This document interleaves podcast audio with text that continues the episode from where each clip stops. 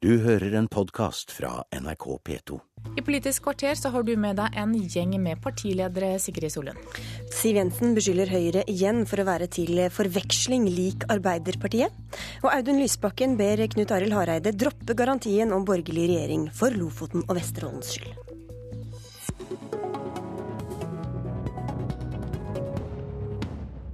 Se så like.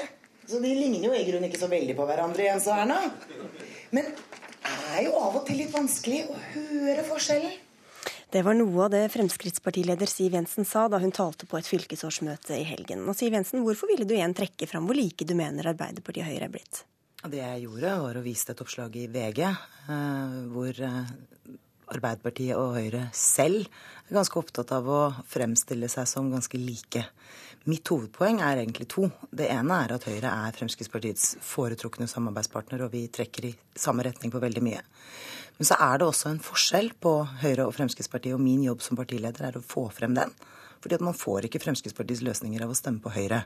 Så noen forskjeller er det, og de forskjellene er det viktig for meg å få frem. Men det var ikke bare dette oppslaget. Du sa jo selv også at det var vanskelig å høre forskjell på dem eh, mange ganger. Innimellom er det det. Eksempel så er det på noen områder veldig like. Og jeg skal ta noen eksempler som dere selv har hatt på nyhetene i dag. Eh, Høyre og Arbeiderpartiet er f.eks. veldig enige om at vi skal fortsette med dagens eh, behandling av asylsøkere. Dere viser til i dag at det er stadig flere som rømmer fra mottakene og lever i skjul. Det er jo derfor Fremskrittspartiet har stått alene i alle år om å eh, foreslå lukkede asylmottak, rett og slett fordi vi da vet hvor de er, og kan ha kontroll på dem inntil de enten får opphold eller får returnere. Men Den hvis... andre saken dere har i nyhetene i dag, er jo dette med at det blir enda flere kostnader nå på bilistene. Fremskrittspartiet står alene om å mene at eh, fremveksten av bompenger må ned, og at vi skal erstatte det med statlig finansiering. Men med tanke på hvor kritisk du er til Arbeiderpartiets måte å styre landet på, hvorfor vil du da samarbeide med noen som er til forveksling lik? Nei, Som jeg sa, så er det mye som trekker i samme retning med Høyre og Fremskrittspartiet. Og det er, Høyre er også vår eh, absolutt foretrukne samarbeidspartner. Det er veldig mye vi er enige om, og som går i samme retning. Men så er det også en del ting som er, skiller oss ad. Og det er jo her velgerne kommer inn i bildet. La, la meg understreke det. For det er, det er særlig to ting velgerne skal ta stilling til når de stemmer 9.9. Det ene er å gi landet et politisk flertall utgått fra partier på, eh, som, som, har tenkt å samarbeide. Det andre de skal gjøre, er jo å gi, eh, altså avgjøre styrkeforholdet mellom partiene. Og det er jo helt åpenbart at jo større Fremskrittspartiet er, jo større er sannsynligheten for at vi får gjennomslag der hvor vi skiller lag, f.eks. også i eldreomsorgen, hvor ja. Høyre og Arbeiderpartiet er enige om å videreføre dagens system, hvor vi vil ha statlig finansiering og lovfestet rett. Men er ikke Høyre og Arbeiderpartiet så like likevel, da, eller?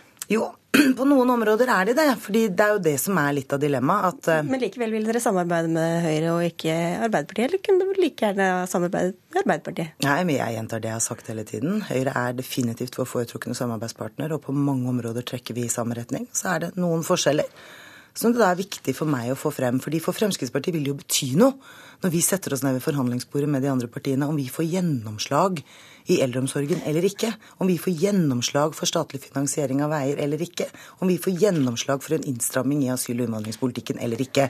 Og det er det velgerne som kan gi oss muligheten til okay. gjennom å gjøre oss store nok. Et politisk felt der Høyre erkjenner at de har beveget seg på, er arbeidsliv. Hvor betegnende syns du det er at Høyre framsto som, eller, eller sto fram som det nye Arbeidspartiet i fjor? Det er i hvert fall behov for å gjøre en del endringer i arbeidslivet i Norge. Vi må modernisere det i tråd med at samfunnet har endret seg.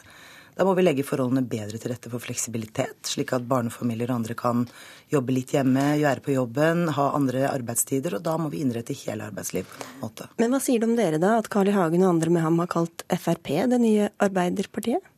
Men det handler jo mer om, eh, om eh, hva velgerne føler seg komfortabel med. Og det er veldig mange velgere som over tid har funnet det naturlig å bytte mellom Arbeiderpartiet og Fremskrittspartiet. Og så det, sier ikke noe om det politiske innholdet? Jo, jo, det gjør det jo også. Og det handler jo om hva, hva slags fokus man har. I skatte- og avgiftspolitikken f.eks. så har jo Fremskrittspartiet sitt fokus på helt vanlige mennesker.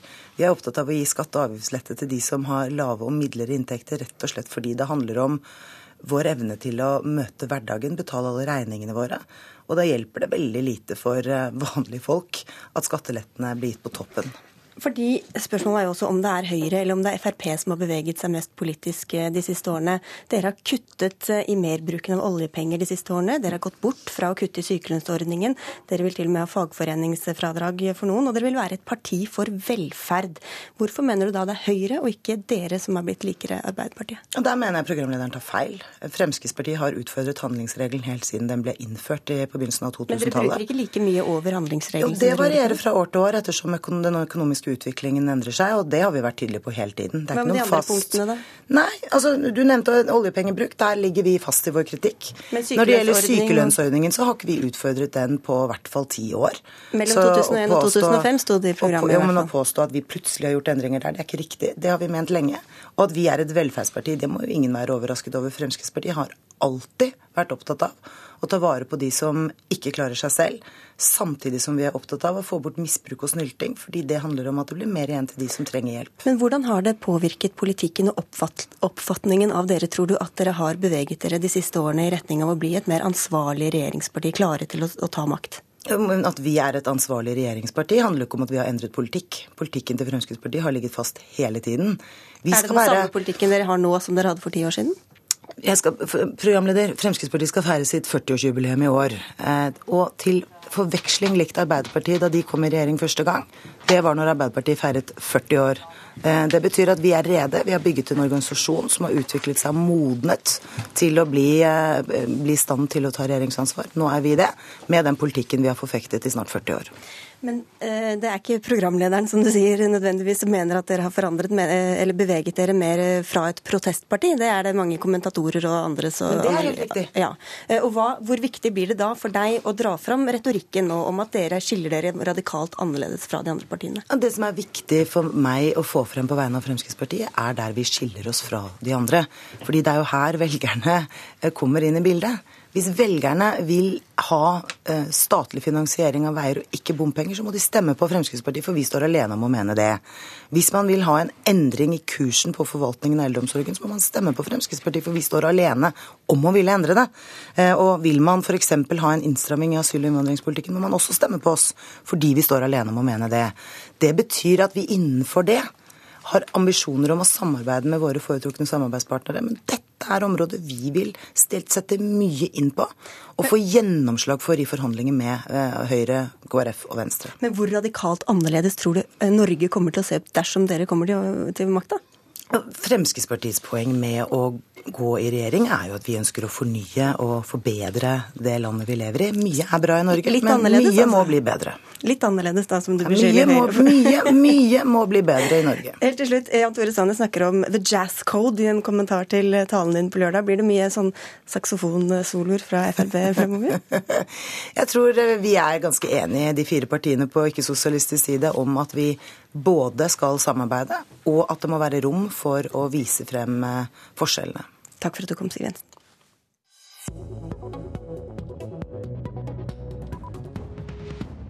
Det var flere partiledere som snakket om andre partier enn deres eget i helga. SV-leder Audun Lysbakken, i en tale til et av deres fylkeslag advarte du KrF og Venstre mot å støtte en mindretallsregjering med Høyre og Frp pga. Lofoten og Vesterålen. Hvordan henger det sammen? I denne saken så er jo um, Kristelig Folkeparti og Venstre og SV venner. Uh, og jeg eh, vet at KrF og Venstre er like opptatt av eh, kampen for oljefritt Lofoten, Vesterålen og Senja som det SV er. Men uh, mellom venner må man også ha noen ærlige debatter om strategi noen ganger. Og den avgjørende grunnen til at vi til tross for at veldig sterke krefter i det norske samfunnet har ønsket å åpne disse veldig sårbare områdene for uh, oljeboring, uh, den avgjørende grunnen til at vi ikke uh, er i den situasjonen i dag, er at SV som miljøparti har sittet rundt bordet de to siste periodene når beslutningen har vært tatt, og kunnet målbære det voldsomme engasjementet som miljøbevegelsen, fiskerinæring, andre utenfor har hatt, og vunnet igjennom. Min utfordring til KrF og Venstre er følgende. Siden Arbeiderpartiet nå har avklart at de ønsker oljeboring, og Høyre og Fremskrittspartiet også gjør det, så vil en mindretallsregjering eh, av Høyre og Frp kunne finne sammen med Arbeiderpartiet i Stortinget og si ja til oljeboring. Bare for å ha sagt det, Arbeiderpartiet har ikke konkludert ennå endelig, i hvert fall ikke på landsmøtet. Men, men, da blir ditt råd til Hareide å gå i regjering da med, med Høyre og Frp? Arbeiderpartiet har sagt ja til en konsekvensutredning, noe som i praksis er det samme som å gå i gang med en åpningsprosess. Jeg eh, mener at vi på vår side av det politiske blokkskillet har kommet med en veldig tydelig strategi okay. for hvordan vi skal unngå det. Og det at, det at vi ikke garanterer for noen annen regjering enn en regjering der vi er med med sjøl. KrF og Venstre de garanterer for regjeringsskifte uansett, og det betyr at de risikerer å garantere for en regjering som åpner Lofoten, Vesterålen og Senja. Da må vi høre hva Knut Arild Hareide, KrF-leder, synes om dette gratisrådet fra Lysbakken. Jo, jeg setter pris på å få råd, men jeg syns ikke det er noe godt råd. Eh, KrF vi ønsker å få til et regjeringsskifte. Det er fordi vi ønsker å gjenreise familiepolitikken. Vi mener òg at uh, den regjeringa som sitter nå, svikter noen av de gruppene som trenger det mest, både innen rusomsorgen og blant våre fattigste. Det var ikke det vi skulle snakke om nå. Uh, nei, men det er viktig å legge til grunn at vi mener at vi trenger et regjeringsskifte, og det står fast. Så er poenget. Uh, hva er det alternativet? Jo, alternativet som Lysbakken gir oss i dag, er altså på en måte da å gi en støtte fortsatt til den regjeringa som sitter. Der sitter altså da med en eh, olje- og energiminister som heter Ola Borten Moe, og en statsminister som heter Jens Stoltenberg. Når det gjelder oljeutvinning, så er det rene dream team med Stoltenberg og Ola Borten Moe. Det er jo ingen som har hatt et større tempo fra Bondevik-regjeringen så har vi nå fått et dobla tempo. Ok, Så det kan ikke bli verre? Er det litt det som er tanken? Nei, og jeg har lyst til å bruke Ketil Solvik-Olsen sine ord i forrige uke i Stavanger Aftenblad, der han altså mener at Ola Borten Moe er blitt til høyre for Fremskrittspartiet. Og noe av det som var poenget i debatten her i sted eh, med, med, med Siv Jensen, er jo òg at Høyre og Arbeiderpartiet står jo for akkurat det samme òg i dette området her. Så en forskjell på en ren Arbeiderpartiregjering og en ren Høyre-regjering i dette spørsmålet, det er på en måte uvesentlig. Men det viktigste for Venstre og KrF er at vi kan jo komme i regjering, og vi kan påvirke dette. Og Det er min utfordring tilbake til Lysbakken. For det vi nå ser, er at det kommer til å bli et regjeringsskifte. Og da er det faktisk sånn at er du miljøbevisst og er opptatt av eh, Lofoten-Vesterålen, så er det egentlig bare KrF og Venstre som alternativet. For SV vil jo være en bortkasta miljøstemme ved valget i 2013. Lysbakken, her var det mye, men hva sier det om tiltroen til eh, deres egne regjeringspartnere, at du nå må ty til andre partier for å stanse deres egne politiske venner? Altså, på rød-grønn side så er situasjonen veldig avklart. Og det jo sånn ikke for neste periode? Ola, Ola Borten Moe får ikke gjennomslag han for alt han vil i oljepolitikken fordi han må styre sammen med SV. Det vi har sagt, at vi garanterer ikke for noen annen regjering enn en regjering der vi sjøl er med. Og Det betyr at jeg stiller ikke noen garantier til en mindretallsregjering av Arbeiderpartiet, nettopp fordi miljøpolitikken krever at det er et miljøparti som er med rundt bordet når beslutningene tas. Knut Arild Hareide Vil dere heller støtte en eh, høyreregjering enn Arbeiderpartiet? regjering. Men eh, blir det rød-grønt flertall, så skal SV være med i regjering. Det er noe annet enn det eh, Knut Arild Hareide sier. fordi Han sier at blir det flertall for høyresiden, så vil han garantere for regjering uansett. Og Det betyr at han blir en garantist for at Erna Solberg og Siv Jensen kan danne regjering sammen uten KrF. Og når miljøpartiene på høyresiden ikke krever å få sitte rundt bordet når beslutningen tas, ja, så vil resultatet bli åpning. Og Det er min utfordring til Hareide. Hvorfor trekker du ikke i denne situasjonen din garantien til Høyre og Frp om å la de danne regjering alene, hvis dere får flertall? Ja, jeg har lyst til å være veldig tydelig på det. Vi kommer til å ha en målsetting, det er å komme inn i regjering. Nettopp for å kunne påvirke beslutningene. Men du avviser da, ikke å støtte en, en mindretalls blå-blå regjering? Jeg har lyst til å si vil bidra til et skifte, står det i vårt eh, forslag. Det vil si at uh, vi mener Norge trenger en ny regjering. Uh, mange grunner til det. Og en stemme på KrF er en stemme på en ny regjering. Poenget da er jo at uh, i det valget mellom ny regjering eller gammel regjering, så ville de ofte stått mellom eksempelvis en ren Arbeiderpartiregjering eller en ren Høyre-regjering. Da sier vi da velger vi en ren Høyre-regjering. Men akkurat i denne politiske saken så har det ingen betydning. Men min utfordring til Lysbakken var jo òg følgende. Alt tyder på vi får et regjeringsskifte.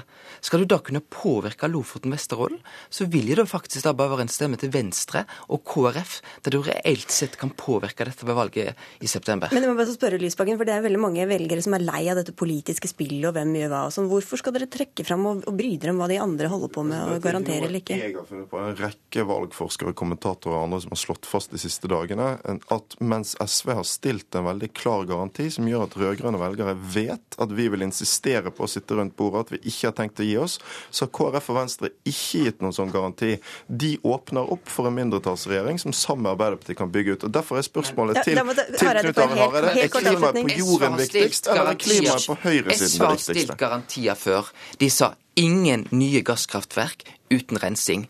Så kom de i regjering, så bygde de Mongstad. Mongstad putler og går, og det slippes ut CO2.